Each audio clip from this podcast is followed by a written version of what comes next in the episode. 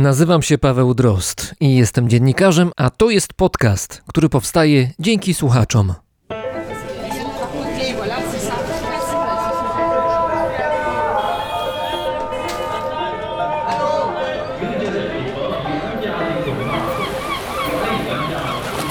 Brzmienie świata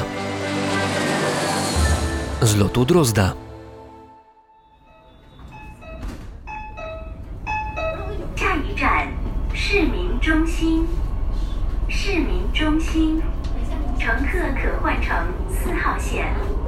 左侧的车门将会打开，请小心列车门铃。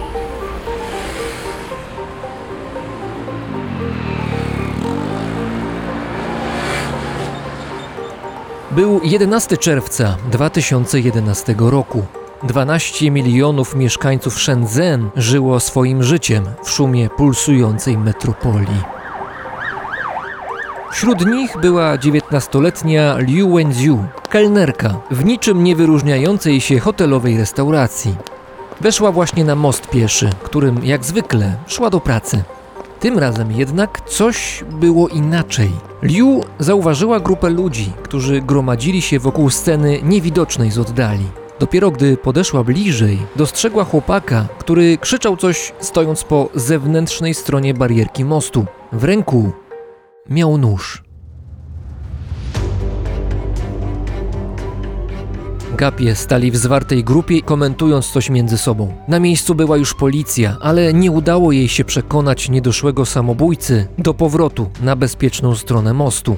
Liu Wenziu zdecydowała się podejść bliżej. Blokującym przejście policjantom powiedziała, że jest dziewczyną stojącego za barierką chłopaka. Puścili ją. W rzeczywistości był dla niej zupełnie obcą osobą. Nigdy wcześniej go nie widziała, jednak czuła, że łączy ich coś więcej niż tylko przypadkowe spotkanie. Chłopak i Liu zaczęli rozmawiać, a właściwie nie, to on zaczął mówić, a ona przede wszystkim słuchała. Miał 16 lat. Powiedział jej o drugiej żonie ojca, która źle go traktowała, a niedawno zabrała wszystkie pieniądze rodziny i zniknęła z miasta. Powiedział jej o ojcu, który razem z bratem zmuszony był pracować ponad miarę, by sprostać nowej, trudnej sytuacji. Powiedział jej, że czuje się porzucony i niepotrzebny. Sam. Liu słuchała go uważnie, aż w końcu podniosła rękę i pokazała niedoszłemu samobójcy swój nadgarstek. Było widać na nim blizny, które przechodziły prostopadle do palców dłoni. Liu bowiem miała za sobą historię trudnego dzieciństwa. Jej dom tonął w nieustannych kłótniach rodziców, a ona musiała sama opiekować się niepełnosprawną siostrą. Brak pieniędzy na utrzymanie zmusił ją do porzucenia nauki w liceum i rozpoczęcia pracy. W końcu ciężar życia przygniótł ją do tego stopnia, że targnęła się na swoje życie kilka razy.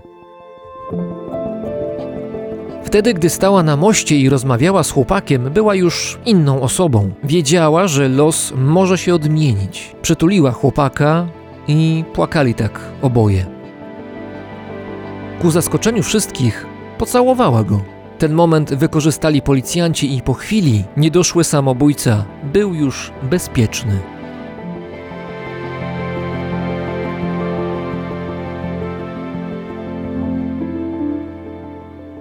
Sama Liu na chwilę została ulubienicą chińskich mediów, chociaż nie uważała się za bohaterkę. Zrozumiała tylko, że nieznajomy człowiek, borykający się z życiowymi problemami, potrzebuje uwagi innego człowieka i odrobinę bliskości, zrozumienia. I o tym, między innymi, będzie dzisiejszy odcinek o potrzebie zrozumienia i empatii wobec innych. Trudne? Nie. Banalne? Tak. Chociaż może jednak jest to w pewien sposób trudne, bo przecież z łatwością znajdujemy wymówki, by dobrego gestu w kierunku innego człowieka nie zrobić, bo to rzeczywiście wymaga od nas pewnej decyzji, przekonania, że należy zrobić krok do przodu. Niezależnie od tego, czy to będzie w Polsce, w Brazylii, w Stanach Zjednoczonych, Kenii czy Ukrainie, gdzie za chwilę będziemy.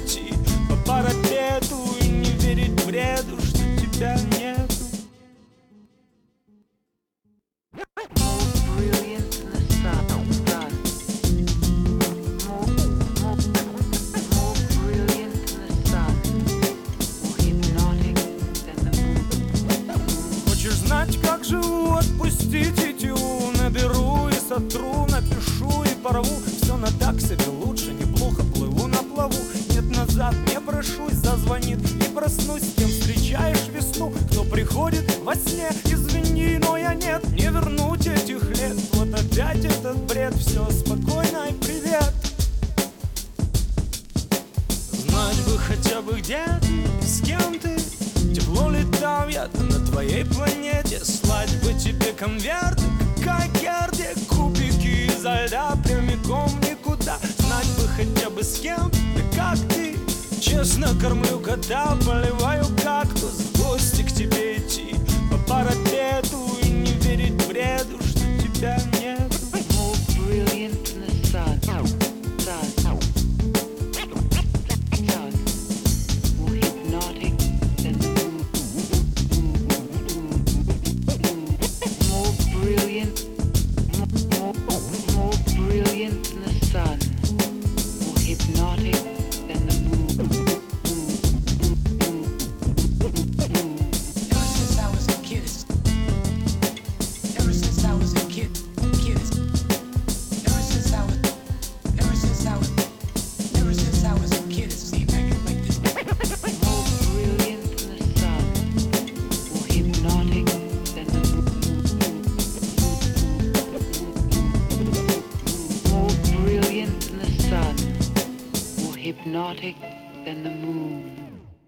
Kiedy w zeszłym roku miniserial zatytułowany Czarnobyl zdobył szeroką widownię, przypomniana została katastrofa z 1986 roku. Na miejsce do czarnobylskiej strefy zamkniętej zaczęli ściągać turyści z wielu krajów świata, zafascynowani radioaktywną historią. Dla wielu z nich była to pewnie historia nowa, albo ze względu na ich wiek, albo z powodu fizycznego oddalenia od Ukrainy. No, dajmy na to w Stanach Zjednoczonych Czarnobyl był słowem pewnie niewiele znaczącym.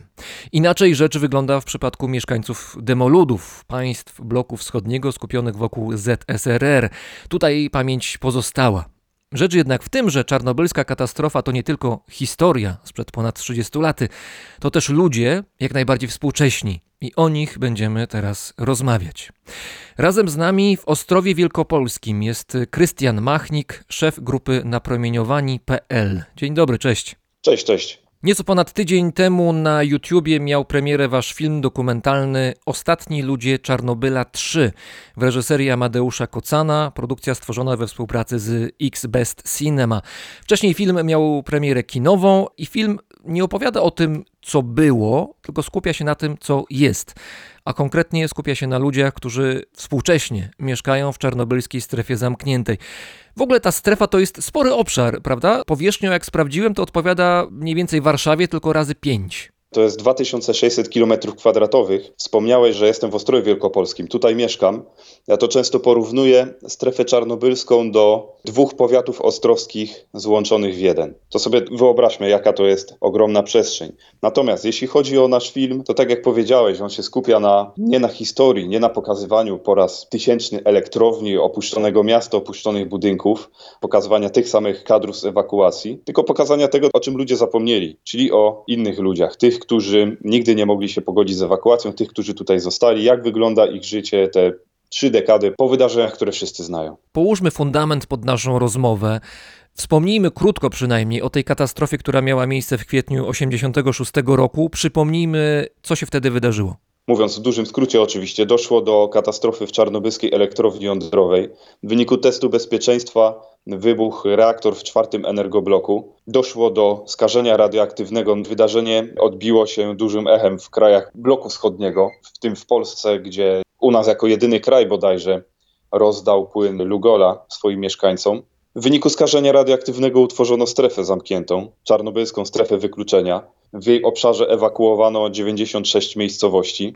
Obecnie jest to teren otoczony drutem kolczastym, wstęp zakazany tylko za okazaniem przepustki. Ta ewakuacja to była gigantyczna akcja i dosyć chaotyczna, prawda? Nie powiedziałbym, że, że chaotyczna. Pamiętajmy, że to były inne czasy. Moim zdaniem chaotyczna byłaby, gdyby dzisiaj się odbywała, ponieważ dzisiaj ludzie mają zupełnie inne podejście. Natomiast wtedy każdy w szkole był szkolony na taką ewentualność. Pamiętajmy, że to były czasy zimnej wojny, więc y, bardzo duży nacisk kładziono na, na obronę cywilną. Wszyscy wiedzieli, co robić w razie zagrożenia, kto za co odpowiada. Wspomnijmy tutaj o mieście Prypeć, miasto energetyków 3 km od elektrowni czarnobylskiej, więc no, na linii strzału 50 tysięcy ludzi wywieziono w zaledwie 3 godziny. I wszystko się odbyło bez paniki, bez żadnych awantur. Były tylko kilka przypadków, gdzie ktoś nie chciał wyjechać, a tak po prostu wszyscy wsiedli i, i trzy godziny później miasto już było puste. Ale czy ten brak paniki nie wynikał też z tego, że ludzie po pierwsze nie wiedzieli, co się dzieje, nie mieli świadomości powagi sytuacji, to jest raz, a dwa, powiedziano im, że to tylko na chwilę, że za moment wrócą, więc nie muszą niczego brać ze sobą. Gdyby mieli świadomość tego, co ich czeka, co się wydarzy potem, to może inaczej to by wyglądało. Ale wiesz, z drugiej strony brak wiedzy wspomaga różne plotki, wspomaga różne teorie spiskowe. Poza tym pamiętajmy, że ludzie, którzy mieszkali w tym mieście, no to byli w dużej mierze pracownicy czarnobylskiej elektrowni. Oczywiście nie wszyscy, bo sama obsługa miasta, w którym ludzie mieszkają, już samo w sobie daje mnóstwo pracy. Natomiast było ściśle powiązane z elektrownią, więc masa ludzi wiedziała, co się stało i te informacje się rozchodziły, więc nie do końca było tak, że oni totalnie nie wiedzieli, o co chodzi. Ile w sumie ludzi zostało ewakuowanych wtedy? Z samej Prypeci 50 tysięcy. Jeśli chodzi o resztę strefy terenów w ogóle znajdujących się obecnie w strefie, to jest około 160 bądź 180 tysięcy mieszkańców. Nie pamiętam, obecnie musiałbym sprawdzić, nie mam za dobrej pamięci do liczb niestety. Czy ta ewakuacja miała sens? To może jest dziwne pytanie, ale nawiązuje tutaj do badań i do szacunków, które się odbywały już później, no wiele lat po katastrofie, nawet współcześnie. Doniesienia, które wynikają z tych badań są, jak dla mnie przynajmniej, sprzeczne. To znaczy, z jednej strony są podnoszone głosy o tym, że no oczywiście skażenie było, że była to sytuacja bezprecedensowa, że było zagrożenie i że dobrze, że ci ludzie zostali ewakuowani, że zostali wywiezieni, że uciekli. Ale z drugiej strony też jest mowa o tym, że często te opady radioaktywne, one były nie tylko w tej strefie bezpośredniej, zaraz obok elektrowni, ale dotyczyły terenów zupełnie w innych częściach Związku Radzieckiego. I to tam ludzie powinni być ewakuowani, a często nie byli. Więc no, wracam do pytania, czy ta ewakuacja była dobrze pomyślana? Pytanie jest dobre, tylko dyskusje na ten temat zawsze bardzo ciekawie wyglądają, bo wszystko zależy od podejścia, od tego, po której stronie barykady stoi dany rozmówca. Na przykład strony opowiadające się za atomem jako jedyną słuszną formą pozyskiwania energii elektrycznej, uważają często, że ewakuacja była zupełnie niepotrzebna, że było to zrobione na wyrost, że to było po to, żeby ludzi uspokoić. Natomiast ludzie z drugiej strony barykady, którzy są totalnie antyatomowi, uważają, że w ogóle tam powinno się od razu wszystkich wywieźć, że, że teren strefy powinien być o wiele większy, że, że tam nie powinno się ludzi wpuszczać i tak dalej, i tak dalej. No, jak to zawsze bywa, prawda jest gdzieś po środku. Pojawiają się bardzo różne głosy i tutaj musimy wziąć pod uwagę przede wszystkim miejsce ewakuacji, bo pamiętajmy, tak jak wspomnieliśmy na początku rozmowy, to jest ogromny teren i w każdej z tych miejscowości poziom promieniowania był inny. Wspomniana Prypeć, 3 km od elektrowni, szczególnie w pierwszej dzielnicy miasta, promieniowanie było bardzo wysokie i tutaj moim zdaniem bez dyskusji ewakuacja była potrzebna, bo dłuższy pobyt w tym mieście w tym czasie naprawdę mógł się odbić na zdrowiu. Zresztą osobiście znam sporo osób, które mieszkały wtedy, które były ewakuowane i którzy usiedli na przykład na czymś. Widzieli, że to jest zapylone od czegoś, ale nie wiedzieli jeszcze, że to jest radioaktywne.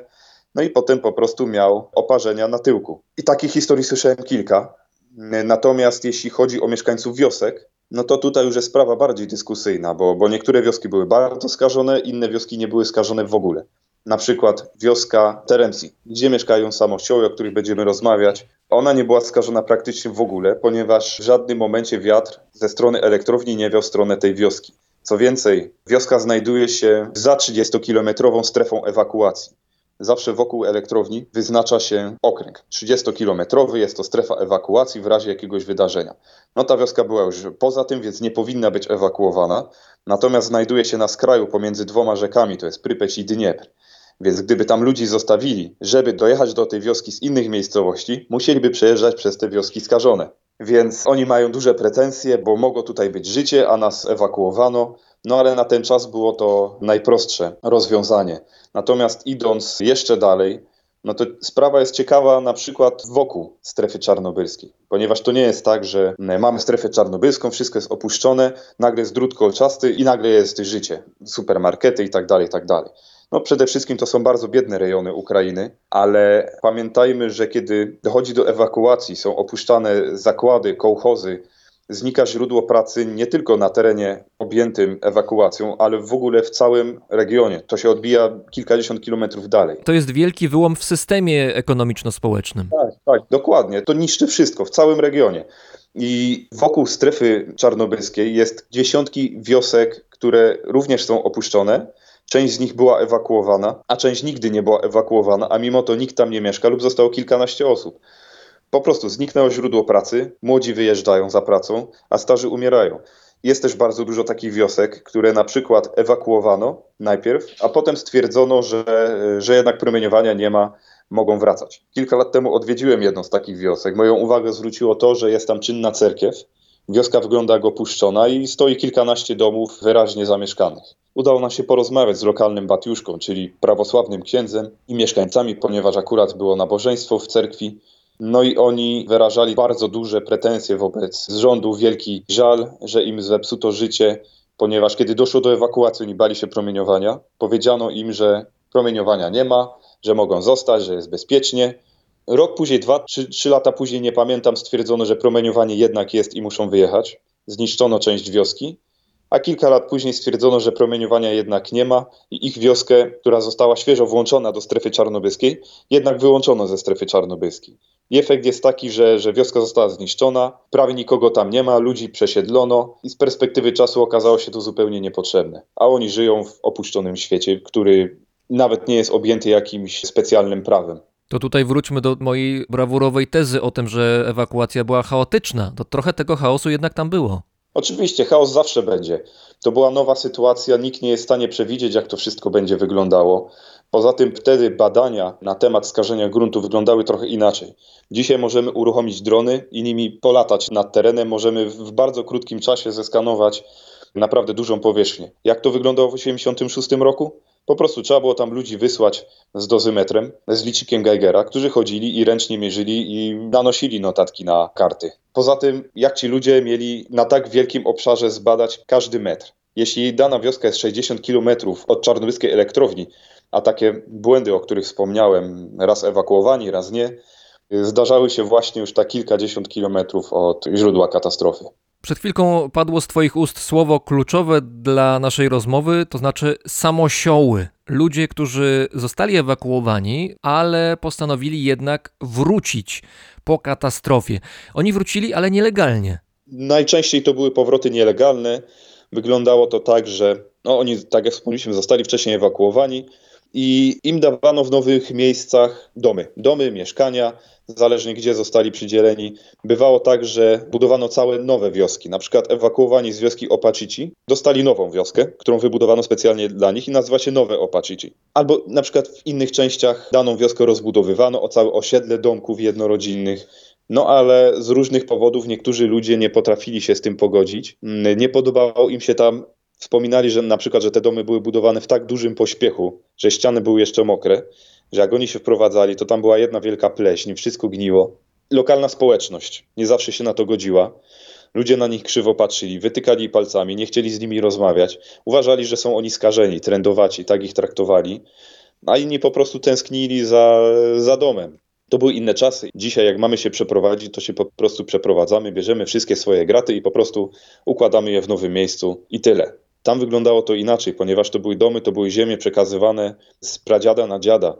To były ziemie przesiąknięte ich genami, ich krwią. Więc kiedy ktoś się rodził w takiej chacie, dosłownie rodził, bo w szpitalach to jednak z tych ludzi mało kto miał okazję się urodzić, Żyli tam całe życie. Oni nie znają innego świata. Oni znali tylko swoją wioskę, swoich sąsiadów i oni czuli się niedobrze wszędzie tam, gdzie byli obcymi. Nigdzie nie podróżowali. Więc kiedy nagle z tego ich spokojnego świata ułożonego wyrzucono ich do nowego, gdzie ludzie krzywo na nich patrzyli, wytykali palcami, obgadywali, czuli się z tym po prostu źle i część z nich postanawiała wrócić. Z tego co słyszałem, postanowiło wrócić około 3000.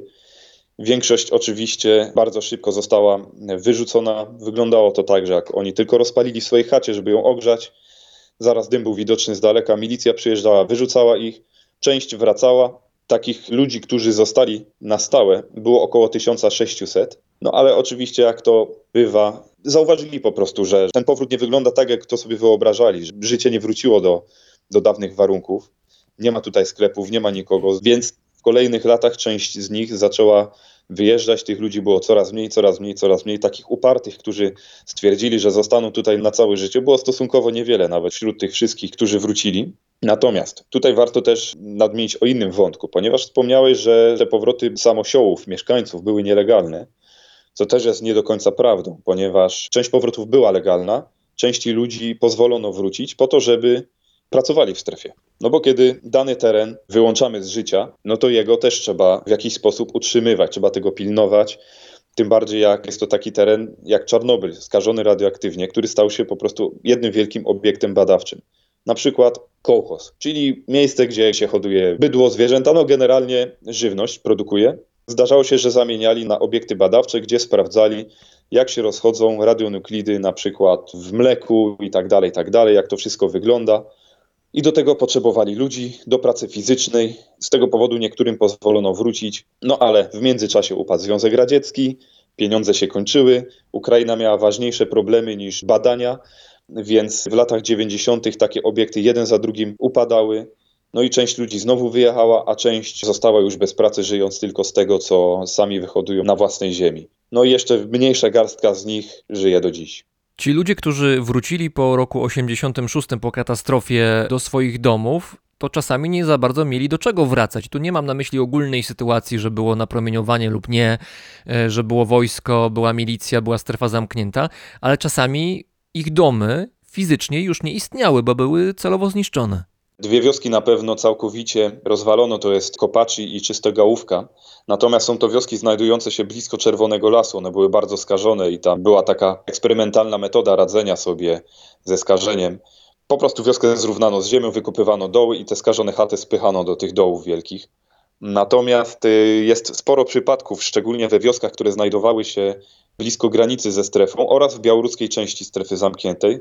To jest niszczono piece.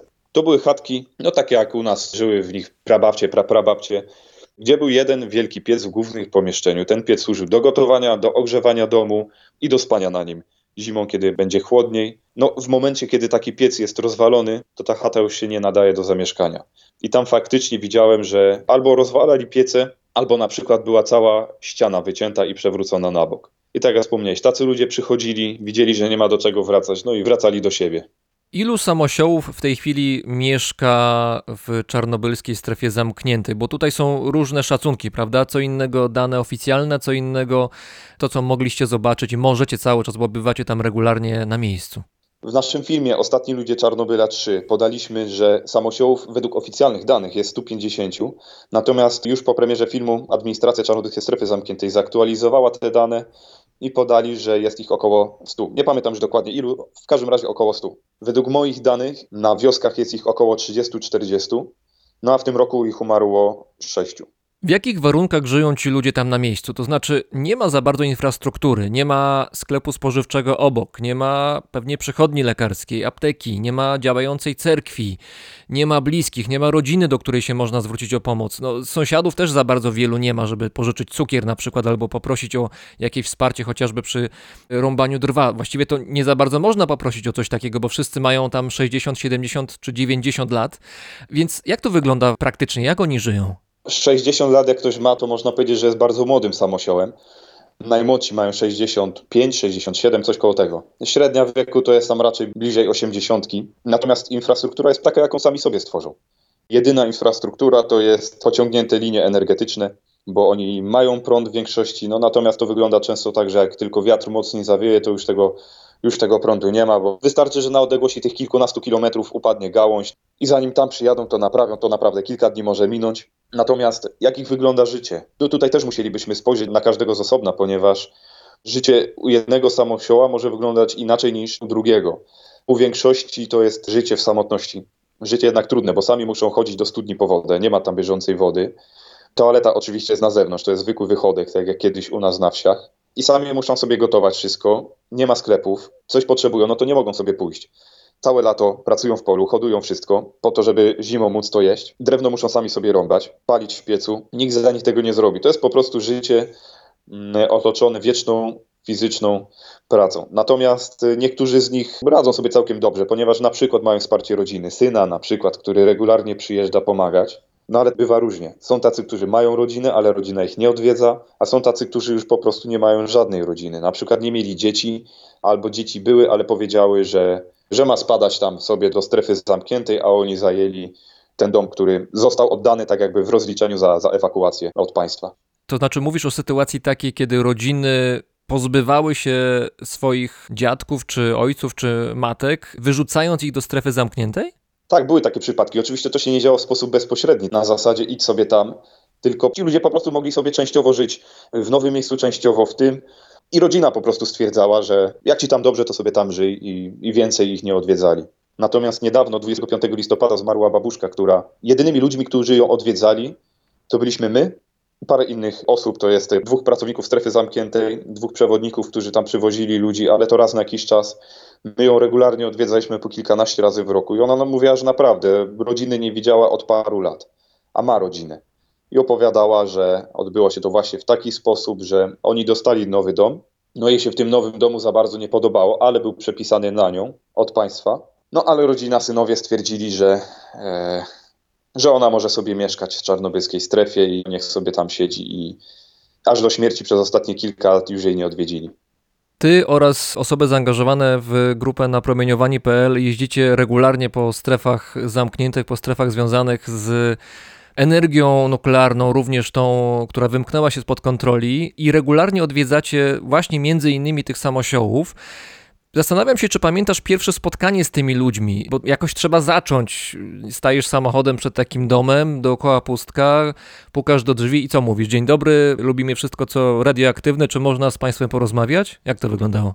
Wiesz co, moje pierwsze spotkanie było z samosiołem Iwanem. Znaczy on umarł w marcu, w dniu swoich 85 urodzin. Tutaj nie było tego problemu, ponieważ zaprowadził mnie do niego pracownik strefy, a był to samosioł, który bardzo blisko miasta Czarnobyl mieszka, mieszkał. Więc on, on dość często miał gości i on wiedział o co chodzi, wiedział, że to są przyjezdni, którzy chcą po prostu dowiedzieć się, jak wygląda tutaj życie, jak wyglądała historia, jak wyglądała ewakuacja.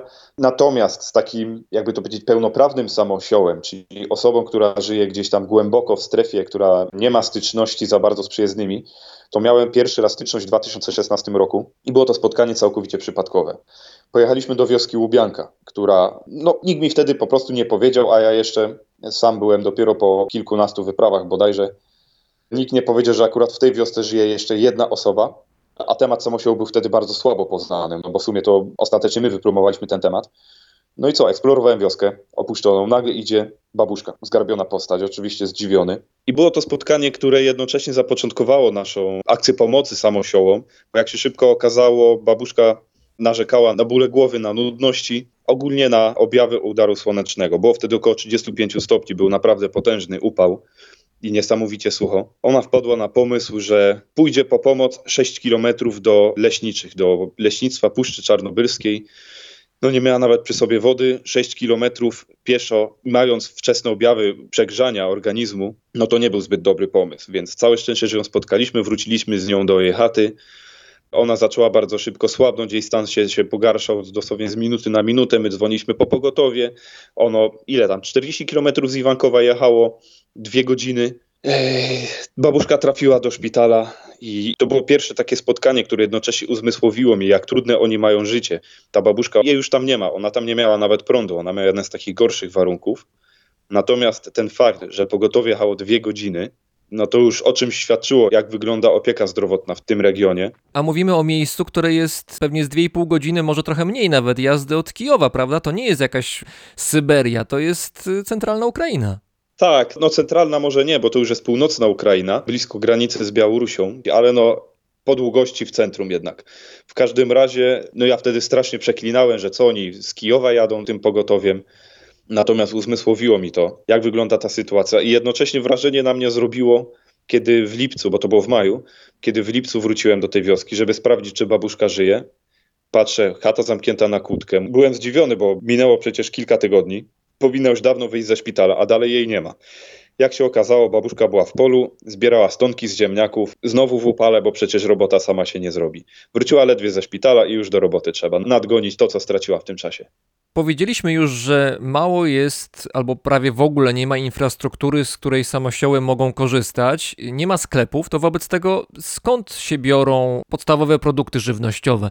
Tutaj y, nawiązuję też do tych scen, które w filmie są, bo pamiętam, jak wiele osób w tym filmie, które tam odwiedzacie, bo to jest tak, że Częste sceny w filmie się powtarzają takie, że podjeżdżacie samochodem pod dany dom, dom często już jest taki lekko już rozsypujący się, wchodzicie do środka, dzień dobry, dzień dobry, dajecie różne sprzęty, czasami jakiś płaszcz ciepły, czasami latarkę, żywność oczywiście i chyba w filmie największą pozytywną reakcję, jaką tam widziałem wśród tych ludzi, których odwiedzaliście, to było wtedy, kiedy mówiliście, że przywozicie chleb. Chleb to wiadomo, można użyć do wielu rzeczy, no i nie, on nie wytrzyma za długo, ile? Kilka dni co najwyżej. Sklep w każdym razie jest, ale obwoźny. Wygląda to tak, że, że raz na 2-3 tygodnie przyjeżdża ciężarówka i samosioły mogą kupić to, co im potrzeba. Z tym, że no, raz na 2-3 tygodnie to jest takie umowne, bo w sumie nigdy nie wiadomo tak naprawdę kiedy przyjedzie. Czasami się zdarza, że, że w ogóle nie przyjedzie, na przykład jak napadało dużo śniegu. No i inny problem jest taki, że kiedy sklep przyjeżdża, to nie ma tak, że samosioły mogą kupić co chcą. Że spojrzą, a to daj pan jeszcze jeden chleb oni muszą, na przykład dzisiaj przyjeżdża sklep i będzie za, załóżmy za trzy tygodnie. To dzisiaj musi powiedzieć, co będzie kupować za trzy tygodnie i za trzy tygodnie dostanie dokładnie to, co zgłosiła trzy tygodnie wcześniej. Czyli na dobrą sprawę muszą przewidywać swoje potrzeby z trzytygodniowym wyprzedzeniem. Można się domyśleć, jak to działa, szczególnie, że, że, że nigdy nie wiadomo, kiedy ten sklep przyjedzie. Więc jest to na pewno duża pomoc, ale nie opierają się na tym głównie żyją z tego, co sami wyhodują. Mają swoje pola, czy to za domem, czy w innym, bardziej żyznym miejscu. Tam cały czas pracują, cały czas coś uprawiają, robią z tego różne konserwy. Jedzenia u nich naprawdę nie brakuje. Każdy samosioł ma swoją piwniczkę i tam słoików jest po prostu masa. I też widziałem, że samogon się pojawia często na stole wtedy, kiedy akurat wy przychodzicie, to tam chlebem i solą i samogonem was częstują wszyscy chyba, więc podejrzewam, że takie odwiedziny to się kończyły tym, że już mogła głowa pod koniec boleć. Tak gościnność zewsząd się wylewała. To już jest ten etap, że już nawet głowa nie boli, bo w tej, tej społeczności jest taka tradycja. Przychodzisz do ich chaty, jesteś gościem, czyli trzeba cię ugościć. No to co trzeba? Zrobić obiad i nalać samogon. Więc jak my jesteśmy na akcji pomocy samosiołom, nigdzie w ogóle nie zamawiamy żadnych śniadań, żadnych obiadów, żadnych kolacji, bo i tak jesteśmy tak najedzeni. Je, jemy po 6 obiadów dziennie. No i w każdej chacie oczywiście trzeba nalać samogonu. No oczywiście nie wszyscy robią swój alkohol, ale 90% z nich robi tak i to się nazywa samogon, czyli po naszemu bimber. No ma on trochę procent, więc tak jak wspomniałem, bywa różnie. Natomiast jesteśmy już zaprawieni w boju, wiemy już o co chodzi i musieliśmy się dostosować, że tak powiem, dyplomatycznie, ponieważ odmówić się nie da. A jest też taka druga tradycja, która mówi, że w najgorszej chacie minimum trzy trzeba wypić. No ale żadna chata nie chce być najgorsza. No i to jest minus i plus jednocześnie.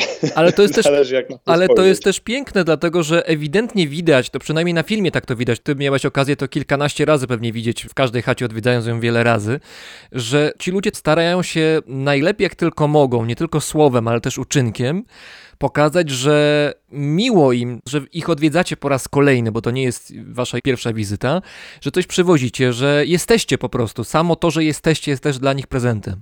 Oczywiście, jak najbardziej. To jest zawsze sposób na to, żeby tego gościa na chwilę zatrzymać, żeby on tutaj troszkę posiedział w tej mojej chacie, żeby porozmawiał ze mną, żeby przez chwilę było fajnie, nawet jeśli on się śpieszy, to po prostu widać jak ta babuszka zaraz, gdzie gdzie ja ten samogon schowam, biega z kąta w kąt, żebyśmy jej szybko nie uciekli, ona szybko, kieliszków szuka, szybko nam polewa, żebyśmy chociaż te trzy wypili.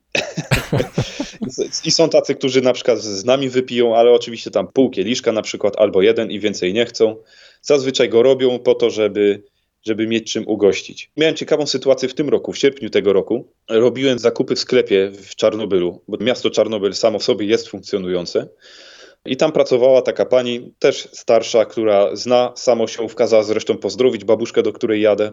I ona wspomniała, że, że ta babuszka lubi wino słodkie. No to mówię, no to, to pani da, to kupię. Przyjechaliśmy do babuszki, oczywiście dajemy jej mnóstwo produktów. Babuszce wręczyłem wino. Akurat była u niej inna babuszka, kuzynka, która mieszka w tej samej wiosce, przyszła jej pomóc, ponieważ ta babuszka, do której przyjechaliśmy, ona ma problemy z chodzeniem i, i, i nigdy z tej chaty nie wychodzi. Więc były dwie babuszki, to mówię, jak my sobie pojedziemy, to panie sobie zrobią tutaj miły wieczór, usiądą tak, żeby było miło. No a one stwierdziły, że żebym otworzył, to się teraz napiją, że teraz jest miło, że za nasze zdrowie chcą wypić. No mnie to zaskoczyło, bo nigdy tak z, z dwoma babuszkami nie piłem. No i my wypiliśmy ich samogon, tam naprawdę przynajmniej 60% babuszki wypiły. To wino, no oczywiście niedużo, bo jak to osoba starsza, ale tu nam babuszki zaczęły śpiewać pieśni ludowe. Nawet jedna osoba zatańczyła z babuszką, także było naprawdę niesamowicie wesoło. Było to troszkę oderwane wszystko od rzeczywistości, bo tu jesteśmy w opuszczonej wiosce, wokół opuszczonych chat, a tu jedna taka wesoła, gdzie ludzie śpiewają, babuszki śpiewają przede wszystkim, bo naprawdę pięknie śpiewały automatycznie robiła się cisza, wszyscy po prostu słuchali. Aż mnie ciarki przechodzą, jak o tym pomyślę. No niestety było to bodajże przedostatnie spotkanie z tą babuszką zmarła niedawno. Mimo wieku, bo to ludzie 80 plus, 90 plus, to są ludzie niezwykle żywotni. Oni oczywiście znikają, odchodzą, jest ich coraz mniej, ale na filmie widać, że ludzie, którzy mają 90 parę lat, ze swadą opowiadają, łakną kontaktu. Oczywiście, że no, ruszać się już jest trudniej i człowiek już nie jest taki sprawny, to jest normalne, naturalne zupełnie, ale jednak ta żywotność bije z nich bardzo. Bardzo i to jest właśnie niesamowite, że kiedy my tam przyjeżdżamy, oni są tacy rozmowni, albo nam śpiewają. Cały czas coś się po prostu dzieje. Zachowują się nagle jak młodzi ludzie, kiedy nas widzą.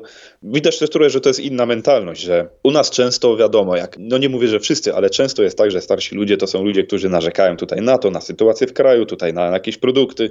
Coś jest cały czas źle. Tam często jest na odwrót, ponieważ tych złych rzeczy w ich życiu było bardzo dużo i ich jest cały czas mnóstwo. Bo to są też ludzie, którzy samo- przeżyli drugą wojnę światową i też czasami opowiadają o tym. Tak, tak, którzy widzieli zresztą to wszystko. No u nas, nasi dziadkowie też to widzieli, no ale potem reszta życia była normalna, powiedzmy.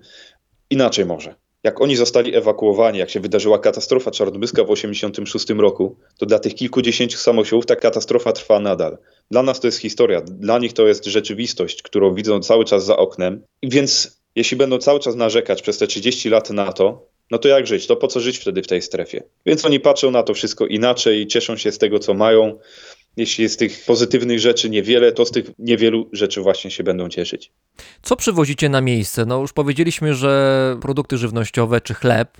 Czasami widziałem, że żarówki tutaj są takim ważnym produktem, przedmiotem, który się przydaje. Co jeszcze?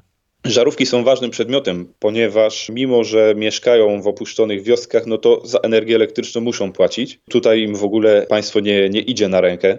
Na zasadzie zużywają energię, więc płacą. No ale jak zobaczyłem, że tam mają ponad, nie wiem ilu, 150-160 watowe żarówki, jedno z najbardziej prądożernych urządzeń w takiej małej chatce, gdzie naprawdę elektrycznych urządzeń jest naprawdę niewiele. Więc wymiana takiej żarówki na, na LEDową, która weźmie kilka wat, no to naprawdę zrobi różnicę dla, dla ich skromnego budżetu, a ludzie ci mają emeryturę, ale najczęściej ta emerytura wynosi 1800 hrywien, czyli jakieś, nie wiem, 200 zł. Można powiedzieć, na co oni mają to wydawać, no ale jak przyjeżdża ten obwoźny sklep, no to tych pieniędzy już nie ma, nieraz za pierwszymi zakupami. Więc jak my przyjeżdżamy, to tak jak wspomniałeś, przywozimy głównie chleb, ale są to przede wszystkim produkty żywnościowe. Staram się jak najwięcej długoterminowej żywności, żeby tam mogły sobie do piwniczki zanieść, do ziemianki. Krótkoterminowej też jakieś mięso, mleko, wszystko czego po prostu potrzebują.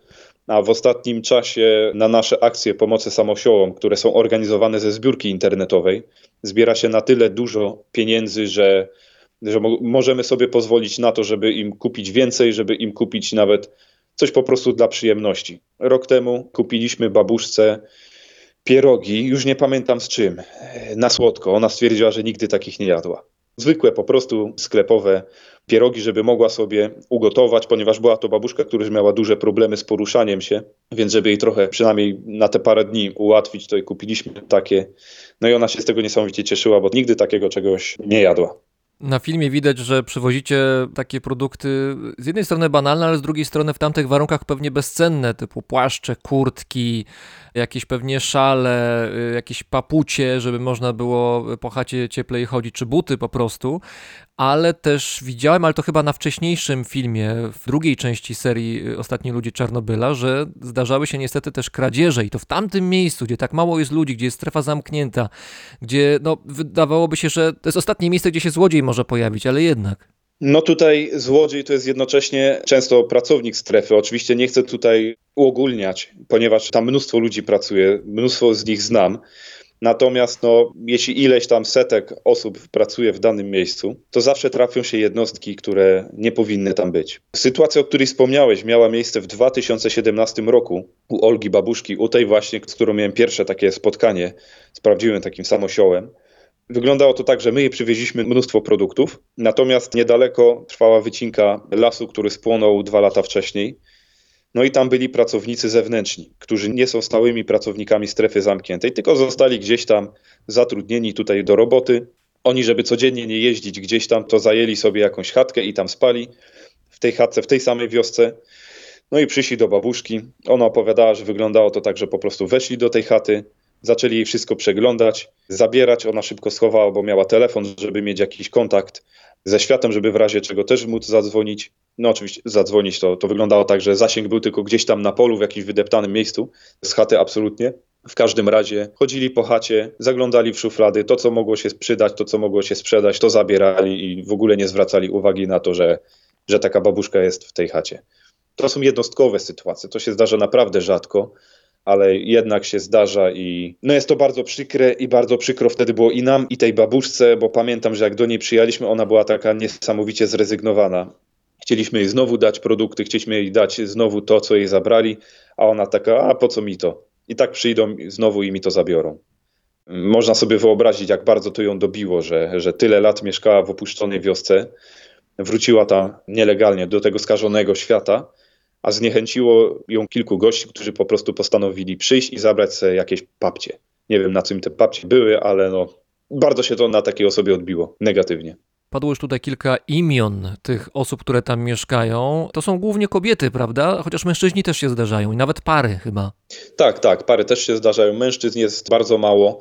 Prawie wszystkie samosioły to są kobiety, co oczywiście wynika z długości życia, bo kobiety po prostu żyją dłużej. Jeśli jest para, no to wiadomo, wiadomo, że to jakoś inaczej się odbywa, mogą sobie pomagać wzajemnie, mogą razem w tym polu pracować i życie wtedy wygląda zupełnie inaczej. Tacy ludzie radzą sobie dobrze i oni pomocy materialnej w zasadzie nie potrzebują za bardzo, bardziej takiej duchowej. Natomiast sytuacja ich życiowa ulega znacznemu pogorszeniu, kiedy jeden z nich odchodzi. Zawsze była pomoc drugiej osoby, nagle taka osoba zostaje sama, no i robi się nagle problem. I w ciągu roku jakość życia takiej osoby naprawdę potrafi się zmienić z dobrej na tragiczną. Czy zdarzało wam się kiedyś, że ktoś odrzucił waszą pomoc, że, że chciał zostać sam? Nie, nie, nie, absolutnie. Nigdy nie mieliśmy takiej sytuacji. Zawsze nas witają z otwartymi ramionami. Jest tam parę osób, które nie są zbyt gościnne. Jest to jeden z samosiołów mieszkający z matką. Reszta samosiołów go nie lubi. On z nimi za bardzo nie, nie, nie utrzymuje kontaktu. Natomiast nas zawsze przyjmuje, nawet poleje, więc z tym problemu akurat nie mamy. Jest też inny samosioł, który na przykład nie lubi dużych grup ludzi. Jeśli się przyjedzie w dwie, trzy osoby, to on przyjmie, ale dużych grup za bardzo nie chce. Jest bardzo gościnny, ale po prostu nie lubi zbiorowiska. Wszystko zależy od, oczywiście od charakteru, ale wszyscy na pewno są otwarci i nigdy się nie zdarzyło, żeby nas konkretnie ktoś odrzucił, żeby nam powiedział, że mamy stąd spadać i się zająć swoimi sprawami. Raczej takie sytuacje były od strony administracji. Opowiedz o jednej wybranej przez ciebie osobie, która należy do grupy samosiołów, która jakoś y, szczególnie zapadła ci w pamięć. I tu mam na myśli zarówno tych samosiołów, którzy jeszcze są wśród nas, jak i tych, których już wśród nas nie ma. No to teraz mnie trochę zagiąłeś, bo Trudno wybrać. takich osób, no, takich osób jest cała masa, zarówno właśnie wśród tych, którzy już odeszli, jak i tych, którzy wciąż żyją. Każdy z nich czymś się wyróżnia, ich historia czymś innym się wyróżnia i, i, i nasze spotkania. Może powiem o kimś, kto wciąż żyje. Taką osobą jest babuszka Hania Czała z wioski Teremsi. Odkryliśmy ją zupełnym przypadkiem. Inny samosioł nam powiedział, że tam jeszcze babuszka mieszka. Chata dosłownie gdzieś schowana między krzakami, między drzewami. Jak drogą jeździliśmy po tej wiosce, to nawet tej chaty nigdy nie widzieliśmy. Trafiliśmy tam, okazało się, że babuszka nigdy nie wychodzi z terenu swojej posesji, chodziła oparta o kije, miała duże problemy. Wspomniała, że ona wróciła do tej wioski razem z mężem, natomiast mąż umarł w 91 roku i od 91 roku żyła totalnie sama w tej wiosce. Przez ostatnie lata w ogóle nie wychodząc z domu, i nikt jej nie odwiedzał. Nikt o niej nic nie wiedział, nikt jej nie znał. W internecie nigdy nie znalazłem e, jej zdjęć, bo niektóre samosioły się gdzieś tam w relacjach powtarzają. Można powiedzieć, że to są to takie osoby popularne wśród samosiołów. Na przykład, jeśli ktoś jest bardzo rozmowny, a przyjeżdżają ludzie, którzy chcą po prostu tam na godzinę pogadać, no to zazwyczaj pracownicy zawożą do takich rozmownych samosiołów. Ona nie była aż taka rozmowna. Trzeba było do niej dotrzeć, poznać się z nią. No nam się to oczywiście udało po tylu spotkaniach. Natomiast wspominam o niej dlatego, że ona nie znała z, takiego zjawiska jak turysta. Teraz się tyle mówi o tym, że tam jest tak dużo turystów, że ciągle jeżdżą po tej elektrowni, po Prypeci, że to jest zadeptane. No, szczerze mówiąc, jak ja słyszę coś takiego, to mi się, no trochę tak mnie szlak trafia, bo jest jeszcze dużo takich samochołów, którzy, którzy w ogóle nie są odwiedzani. No i ona była takim głównym. My byliśmy jedynymi, którzy przyjeżdżali, a była to postać niesamowicie inspirująca a przeżyła ona niesamowitą historię, bo, bo pamiętała II wojnę światową, tam nazywaną Wielką Wojną Ojczyźnianą, jak Niemcy przyszli, spalili jej wioskę.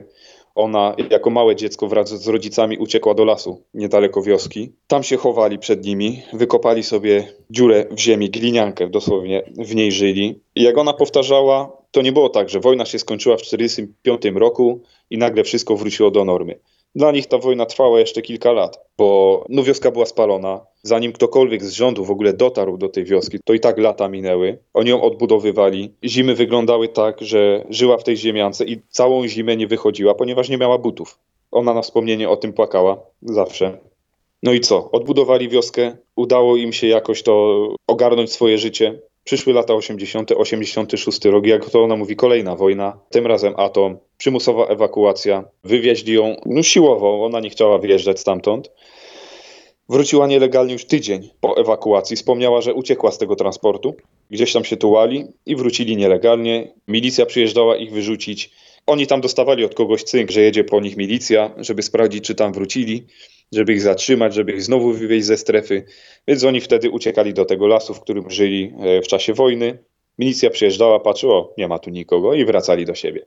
Po latach oczywiście machnięto na to wszystko ręką, ale ostatnie 30 parę lat życia spędziła znowu na tej wojnie. I jak to ona wspomniała, w jej życiu tylko kilka lat było szczęśliwych, cała reszta to jest tylko cierpienie, ból i czekanie nie wiadomo na co. I, i to jest postać, która pojawia się na końcu naszego filmu Ostatni ludzie Czarnobyla 3.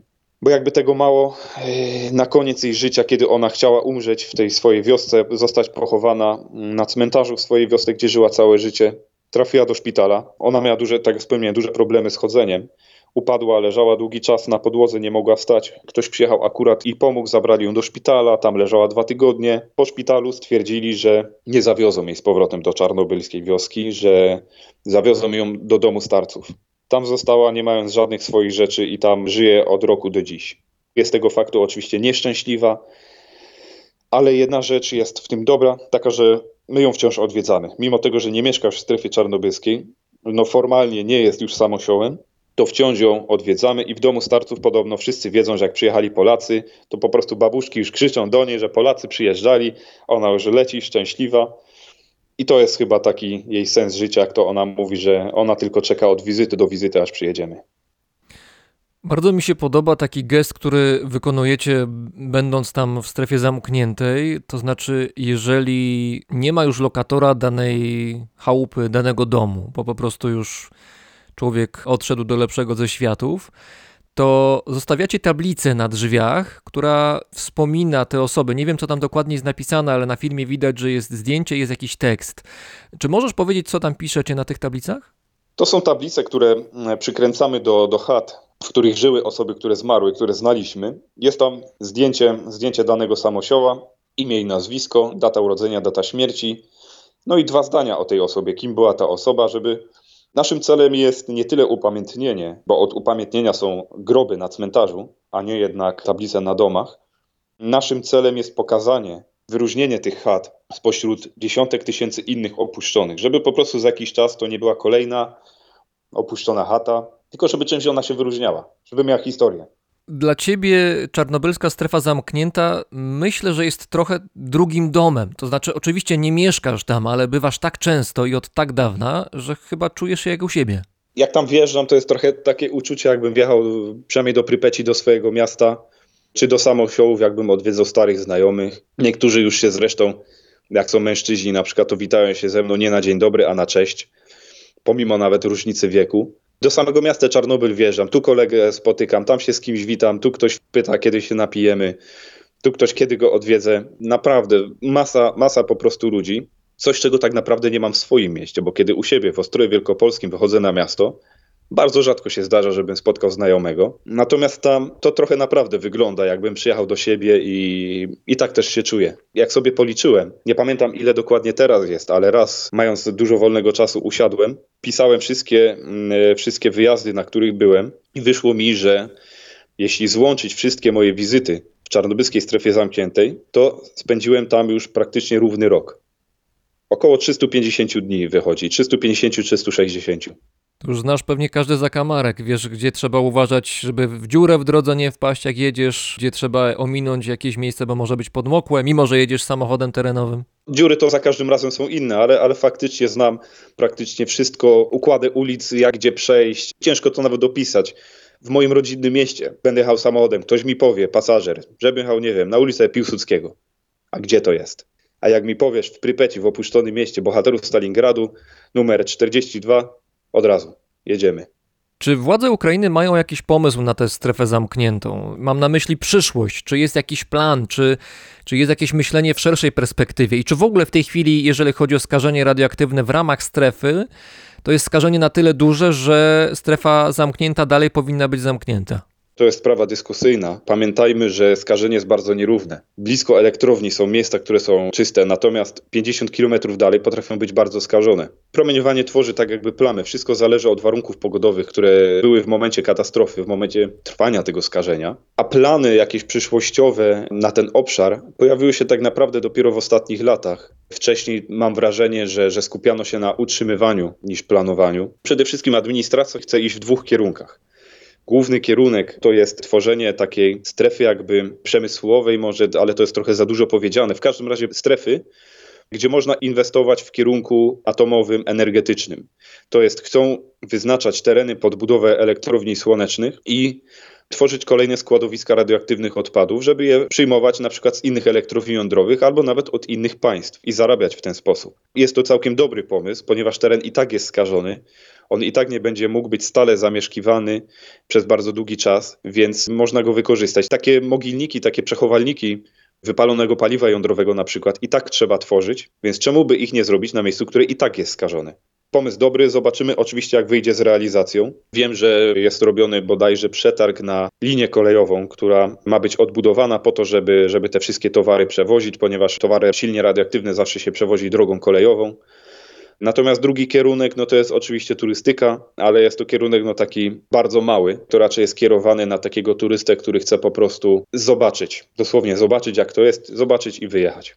I podejrzewam, że wielu spośród tych nowych turystów to są też turyści, którzy byli wcześniej widzami serialu Czarnobyl. No nie da się ukryć, że serial Czarnobyl bardzo podniósł zainteresowanie. Statystyki po prostu poszybowały od razu w górę. Nawet na mojej stronie to się odbiło. Po prostu jak serial wyszedł, to znacznie więcej ludzi zaczęło wyszukiwać hasło Czarnobyl, znacznie więcej ludzi zaczęło lajkować stronę, interesować się tematyką. No i w ciągu kilku tygodni zaczęło więcej ludzi przyjeżdżać do strefy czarnobylskiej. Oczywiście to nie było tak, jak, jak to zaczęły media podawać, bo z mediów wynikało, że wczoraj była premiera ostatniego odcinka serialu Czarnobyl, a na zajutrz już po prostu turyści się rzucili. To tak nie wygląda, bo samo wyrobienie przepustki na wjazd do strefy chwilę trwa.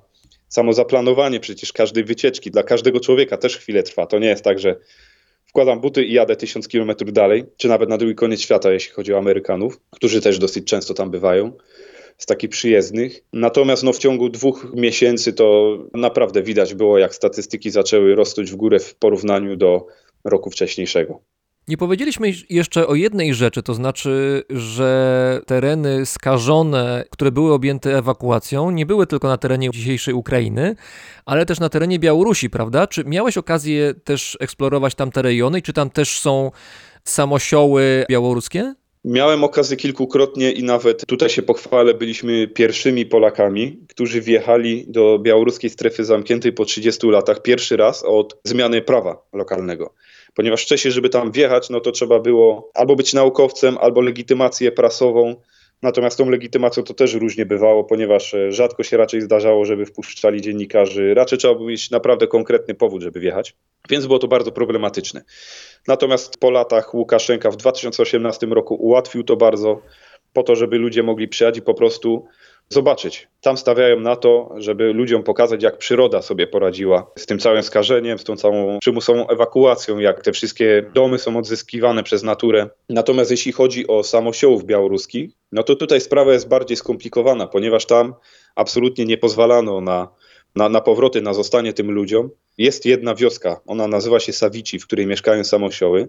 Natomiast tutaj bardzo sprytnie to ominięto, bo tam jest generalnie pięć stref. Pięć stref skażenia. Jeśli mowa o tej strefie zamkniętej, no to jest strefa ostatnia i ta wioska nie znajduje się w tej strefie zamkniętej, ale jak spojrzymy na mapę, to zobaczymy, że ta wioska jest dosłownie okrążona przez strefę, ale tak sprytnie ją wydzielono. Zrobiono taki cypelek jakby, żeby formalnie nie byli mieszkańcami strefy, no i dzięki temu mogą sobie tam mieszkać, a nie ma żadnego tutaj prawnego problemu na zasadzie, że, że przecież nie są wydawane zgody na stałe osiedlenie, a ktoś tam mieszka.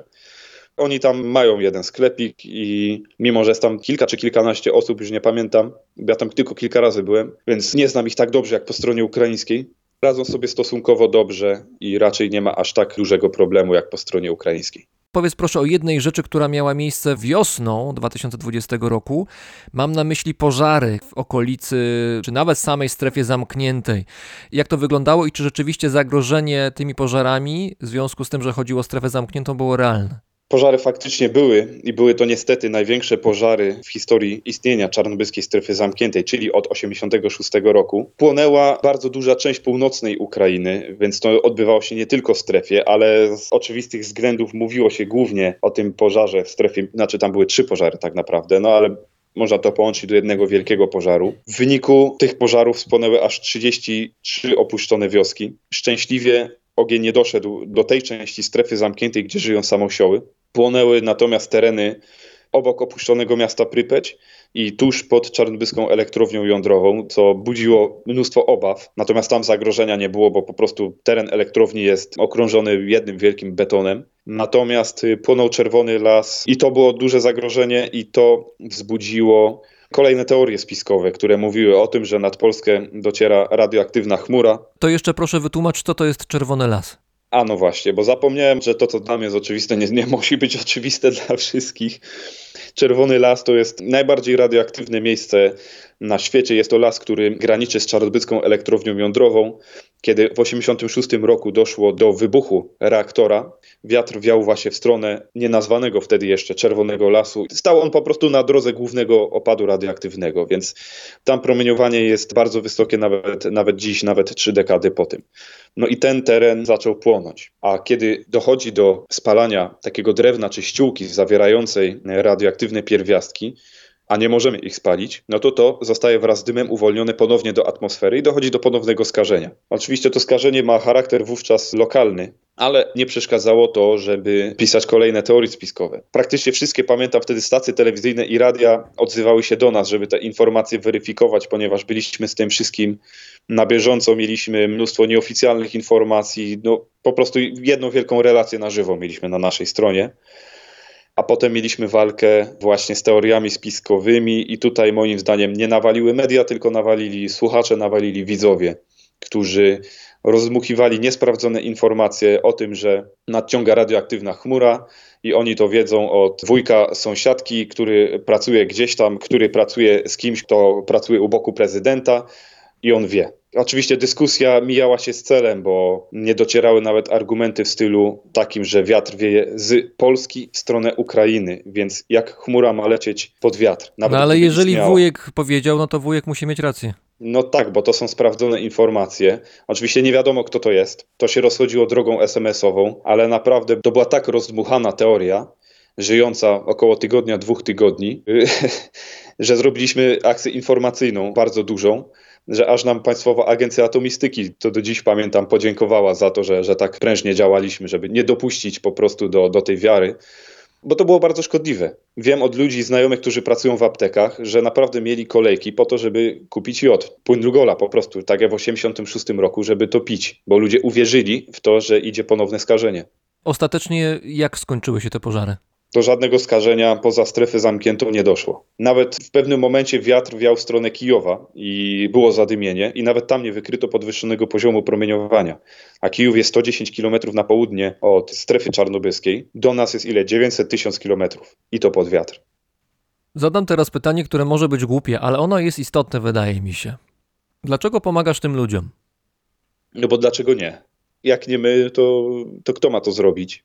Oczywiście to nie było tak, że, że ja stwierdziłem, że a, zajmę się teraz pomaganiem. Nigdy tego nie przewidywałem, nigdy nie planowałem, nawet ba, nigdy tego nie chciałem robić. Jakoś mnie to nigdy do tego nie, nie ciągnęło.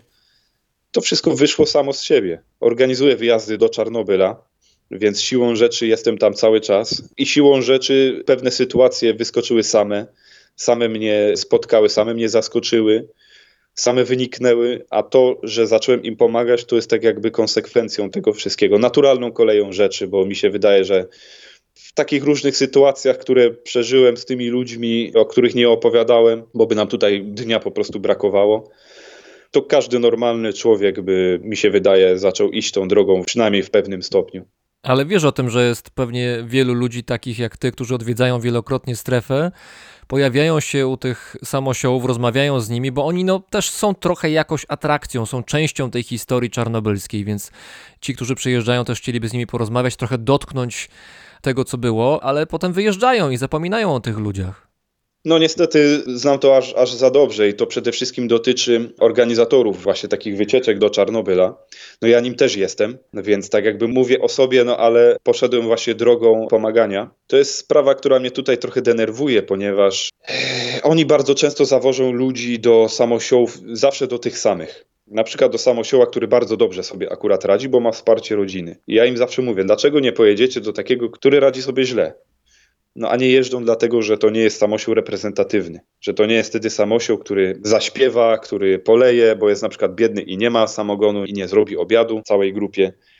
Więc to jest właśnie tak jak mówisz, trochę takie turystyczne podejście na zasadzie jest fajnie, zrobiliśmy sobie fotki i uciekamy. Teraz to się zmienia. Zauważam, że coraz więcej ludzi chce nie tyle jeździć, co nawet też pomagać. Samosioły na pewno na tym zyskają, że będzie więcej ludzi przyjeżdżało.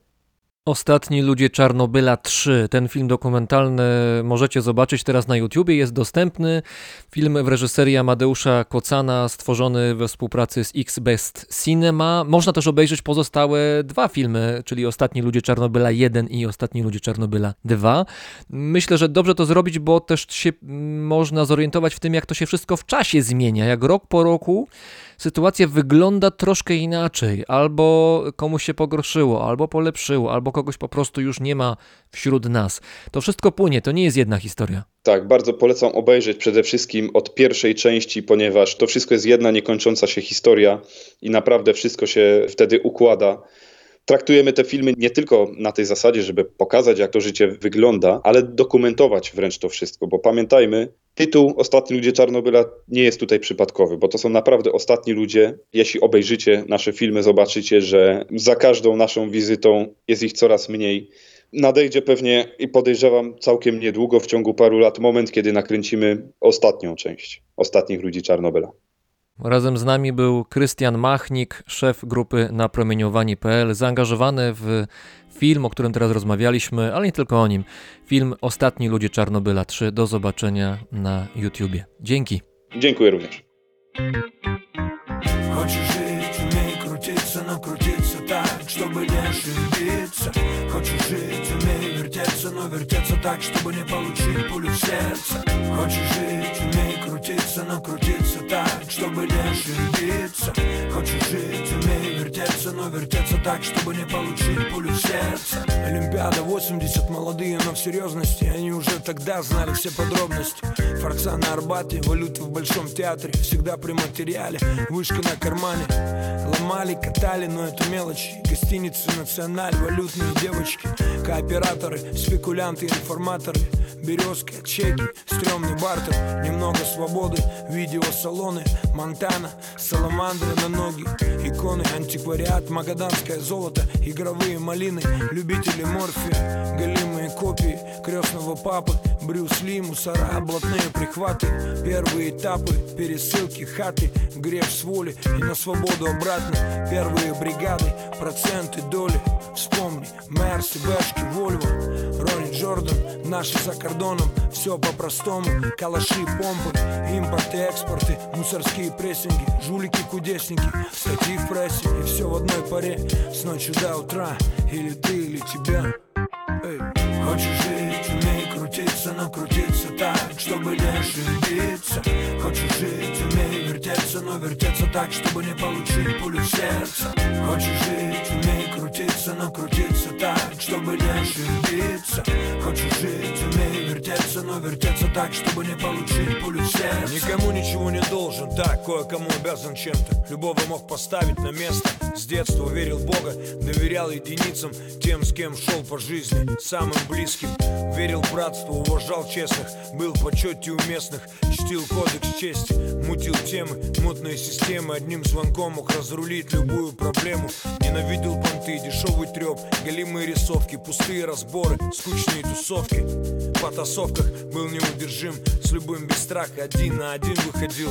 Тех, кого в честной схватке побеждал За смелость уважал, за дерзость уважал Слова на ветер не бросал, был в себе уверен Всегда хотел быть первым. Его считали фартовым. Сколько в него стреляли Да уже навряд ли кто-то вспомнит. Мутил с портовыми подставная фирма Типа ООО, не проходите мимо Ворованные тачки, фуфловые доллары. Заправка, казино, мусора в сговоре. Но, видимо, кому-то перешел дорогу парень. Все кончилось в одну секунду. Снайпер. Хочешь жить, умей крутиться, но крутиться вертеться, так, чтобы не получить пулю в сердце. Хочешь жить, умей крутиться, но крутиться так, чтобы не ошибиться. Хочешь жить, умей вертеться, но вертеться так, чтобы не получить пулю в сердце. Хочешь жить, умей крутиться, но крутиться так, чтобы не ошибиться. Хочешь жить, умей вертеться, но вертеться так, чтобы не получить пулю в сердце. Хочешь жить, умей крутиться, но крутиться так, чтобы не ошибиться. Хочешь жить, умей вертеться, но вертеться так, чтобы не получить пулю в сердце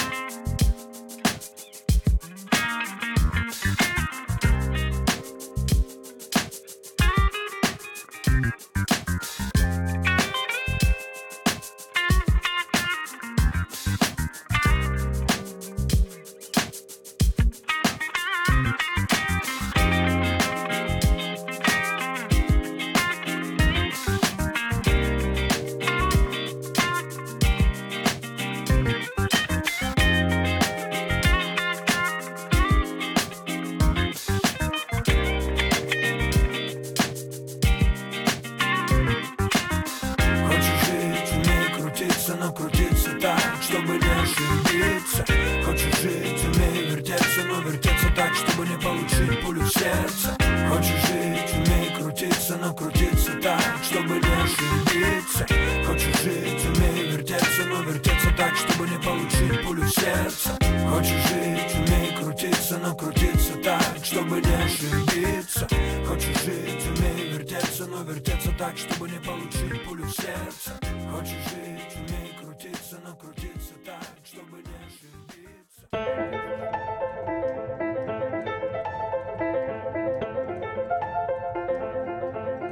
Słuchaliście brzmienia świata z lotu Drozda. To audycja, której cotygodniowe odcinki powstają dzięki pomocy i hojności słuchaczy. Możecie do nich dołączyć, korzystając ze strony patronite.pl. Znaleźć mnie jest łatwo. Wystarczy wpisać brzmienie świata.